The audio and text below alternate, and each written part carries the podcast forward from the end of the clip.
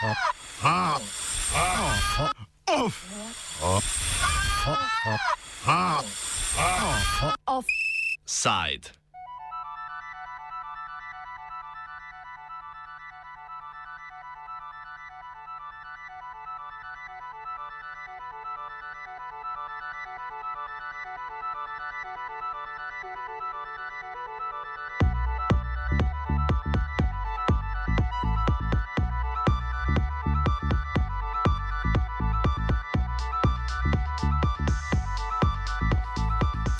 Foul play v Trnovem.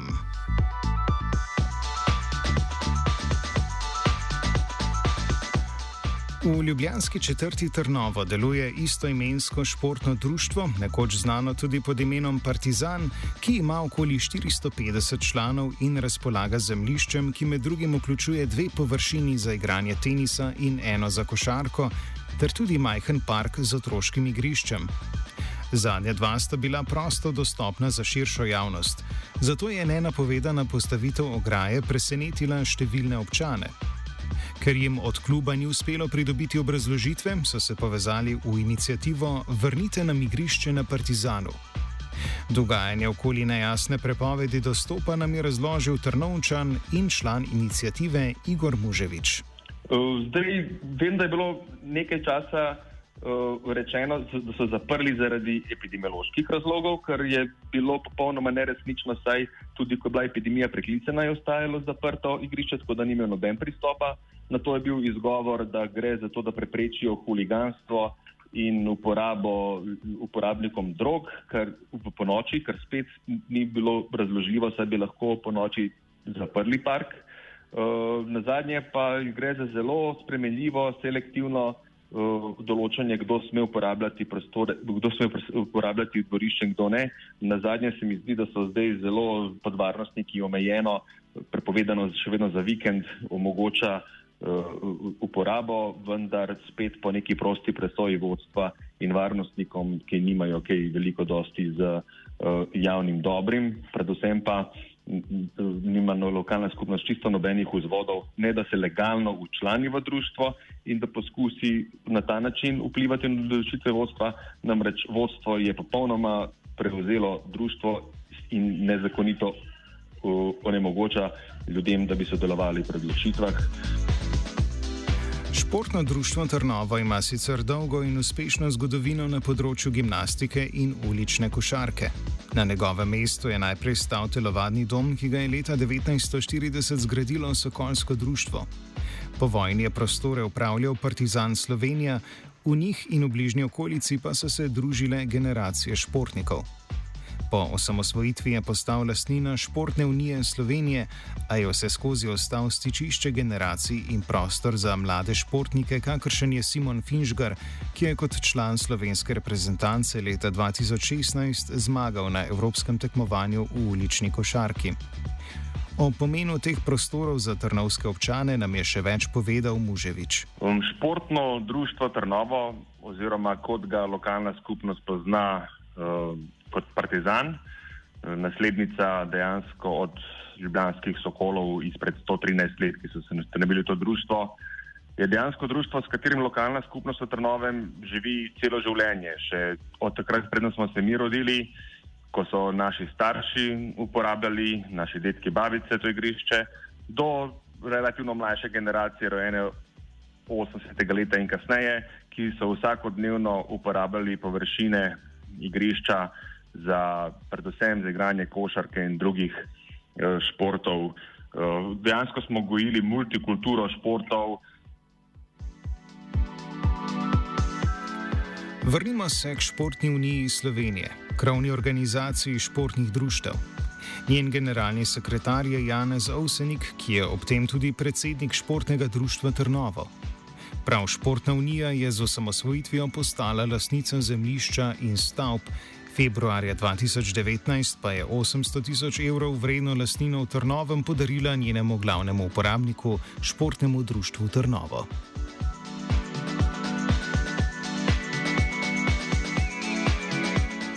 Janez Ovsenik sicer ni edini funkcionar v športnem društvu Trnovo in športni uniji, ki sedi na dveh stolih. Med člani izvršnega odbora najdemo tudi Janeza Sodražnika, predsednika Športne zveze Ljubljana in podpredsednika Olimpijskega komiteja Slovenije, Bojana Župevca, predsednika Skupščine Športne unije Slovenije, ter Boštjana Gmajnerja, člana kandidacijske komisije Športne unije Slovenije. Tisto, kar vidimo iz javnih evidenc, je, da gre za imena nekaj več kot deset ljudi, ki se pojavljajo v sorodnih zgodbah že več kot desetletje. To izhaja od istih pripadnikov, ki imajo vodstvene funkcije v Športni uniji Slovenije, ki so dejansko uh, začeli prevzemati posamezna društva in dejansko mešetariti z zemljiščem. Tako je prišlo do brezplačnega prenosa uh, zemljišča od Sokolov iz Športne unije na Športno društvo Trnovo in na to je dobesedno 13 ljudi, po mojem spominu, morda kakšen več ali manj. Uh, dejansko sprejelo sklep, ne da bi člani to vedeli, o ustanovitvi gospodarske družbe Trnovček DOO.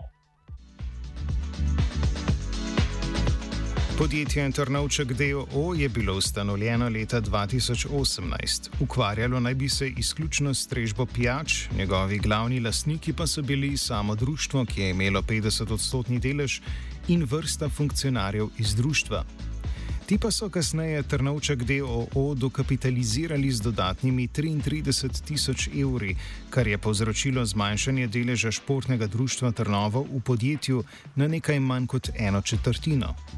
S tem si je enajsterica funkcionarjev zagotovila popoln vpliv na odločitve podjetja. In ko so sprejeli in ustanovili to firmo, na kateri je najprej bilo športno društvo Trnovo 50-odstotni družbenik, so nekako brezplačno sami sebi, ljudje, ki so ustanovili, se pravi Trnovček, DOO in ljudje, ki so vodili netransparentno športno društvo Trnovo, so sami sebi brezplačno podelili stavbno pravico za uporabo zemljišča, ki obsega več tisoč kvadratnih metrov eh, lokacije, najdražja lokacija v Ljubljani, tako rekoč, z namenom gradnje e-, elitističnega tehničnega centra, ki nima nobene veze z uh, ne statutom samega društva, ne tradicijo, ne z ničemer.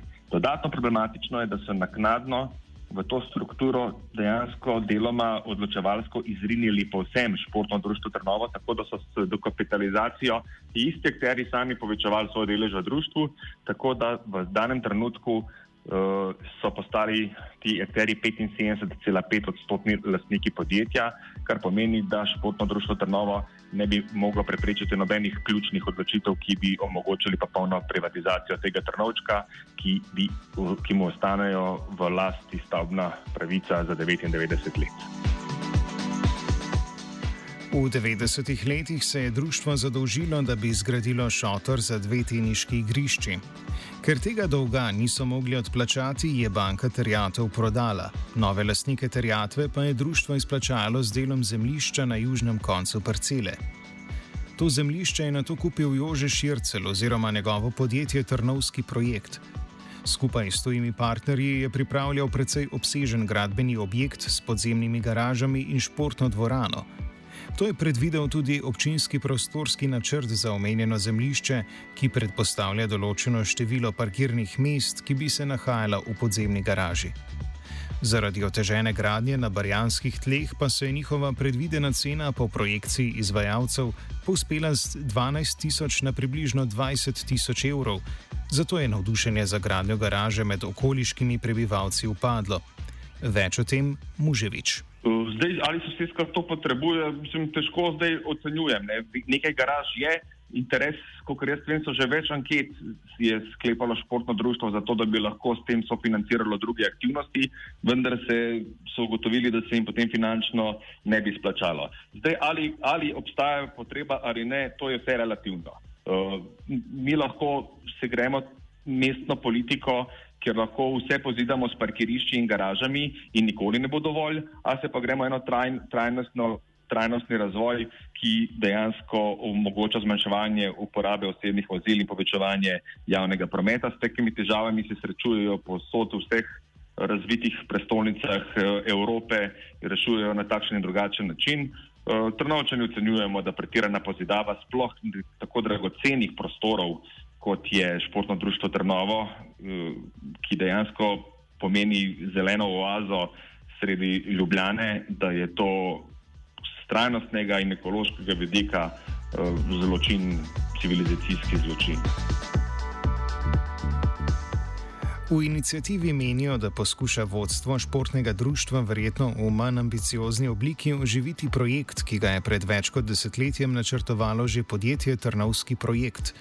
Ko so člani inicijative posumili, da se v športnem društvu dogaja nekaj mutnega, se jih je nekaj učlanilo van in so na ta način poskusili priti do informacij. Zasledili so, da je bil v sredi aprila sklican občni zbor, katerega seja naj bi potekala 28. aprila. Glavna tema naj bi bilo finančno poročilo za leto 2020. Muževič opiše dogodke na dan seje občnega zbora.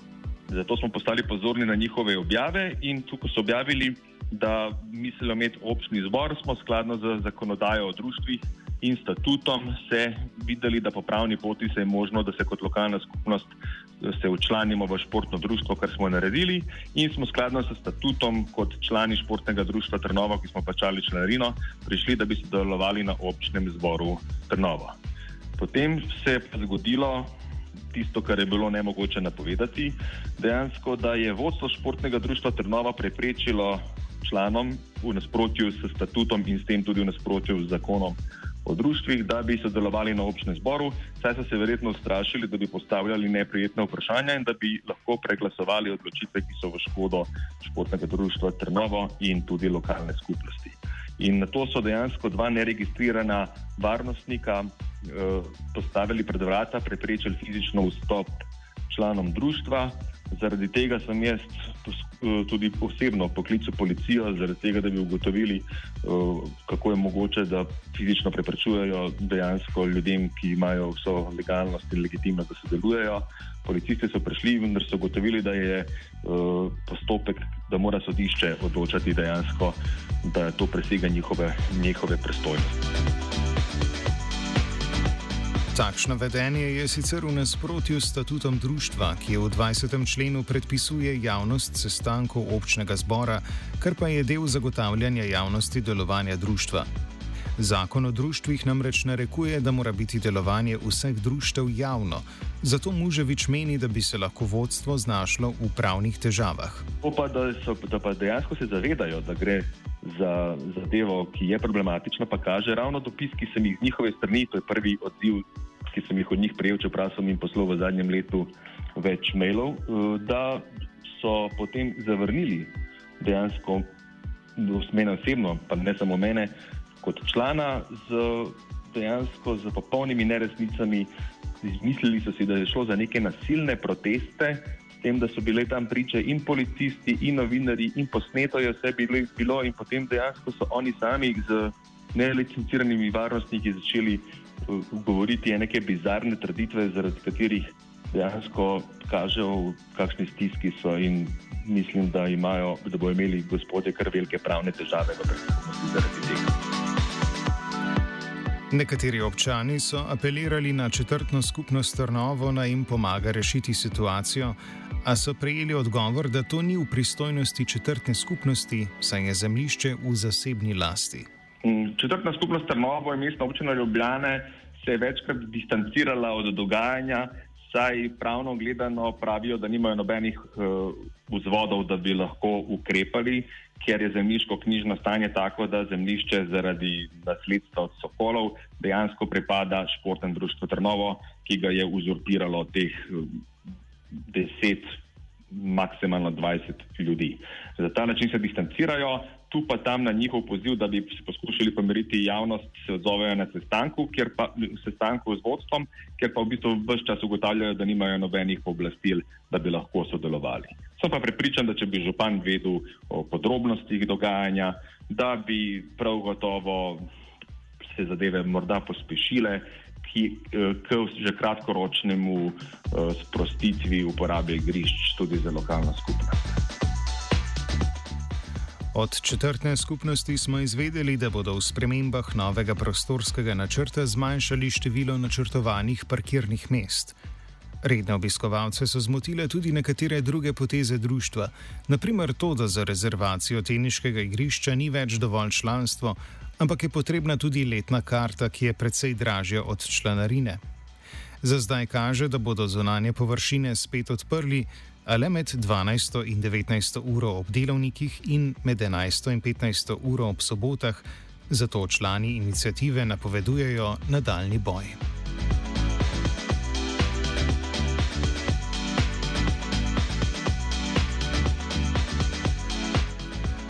Offside je napisal vajenec Srdžan, mentoriral je Svetina.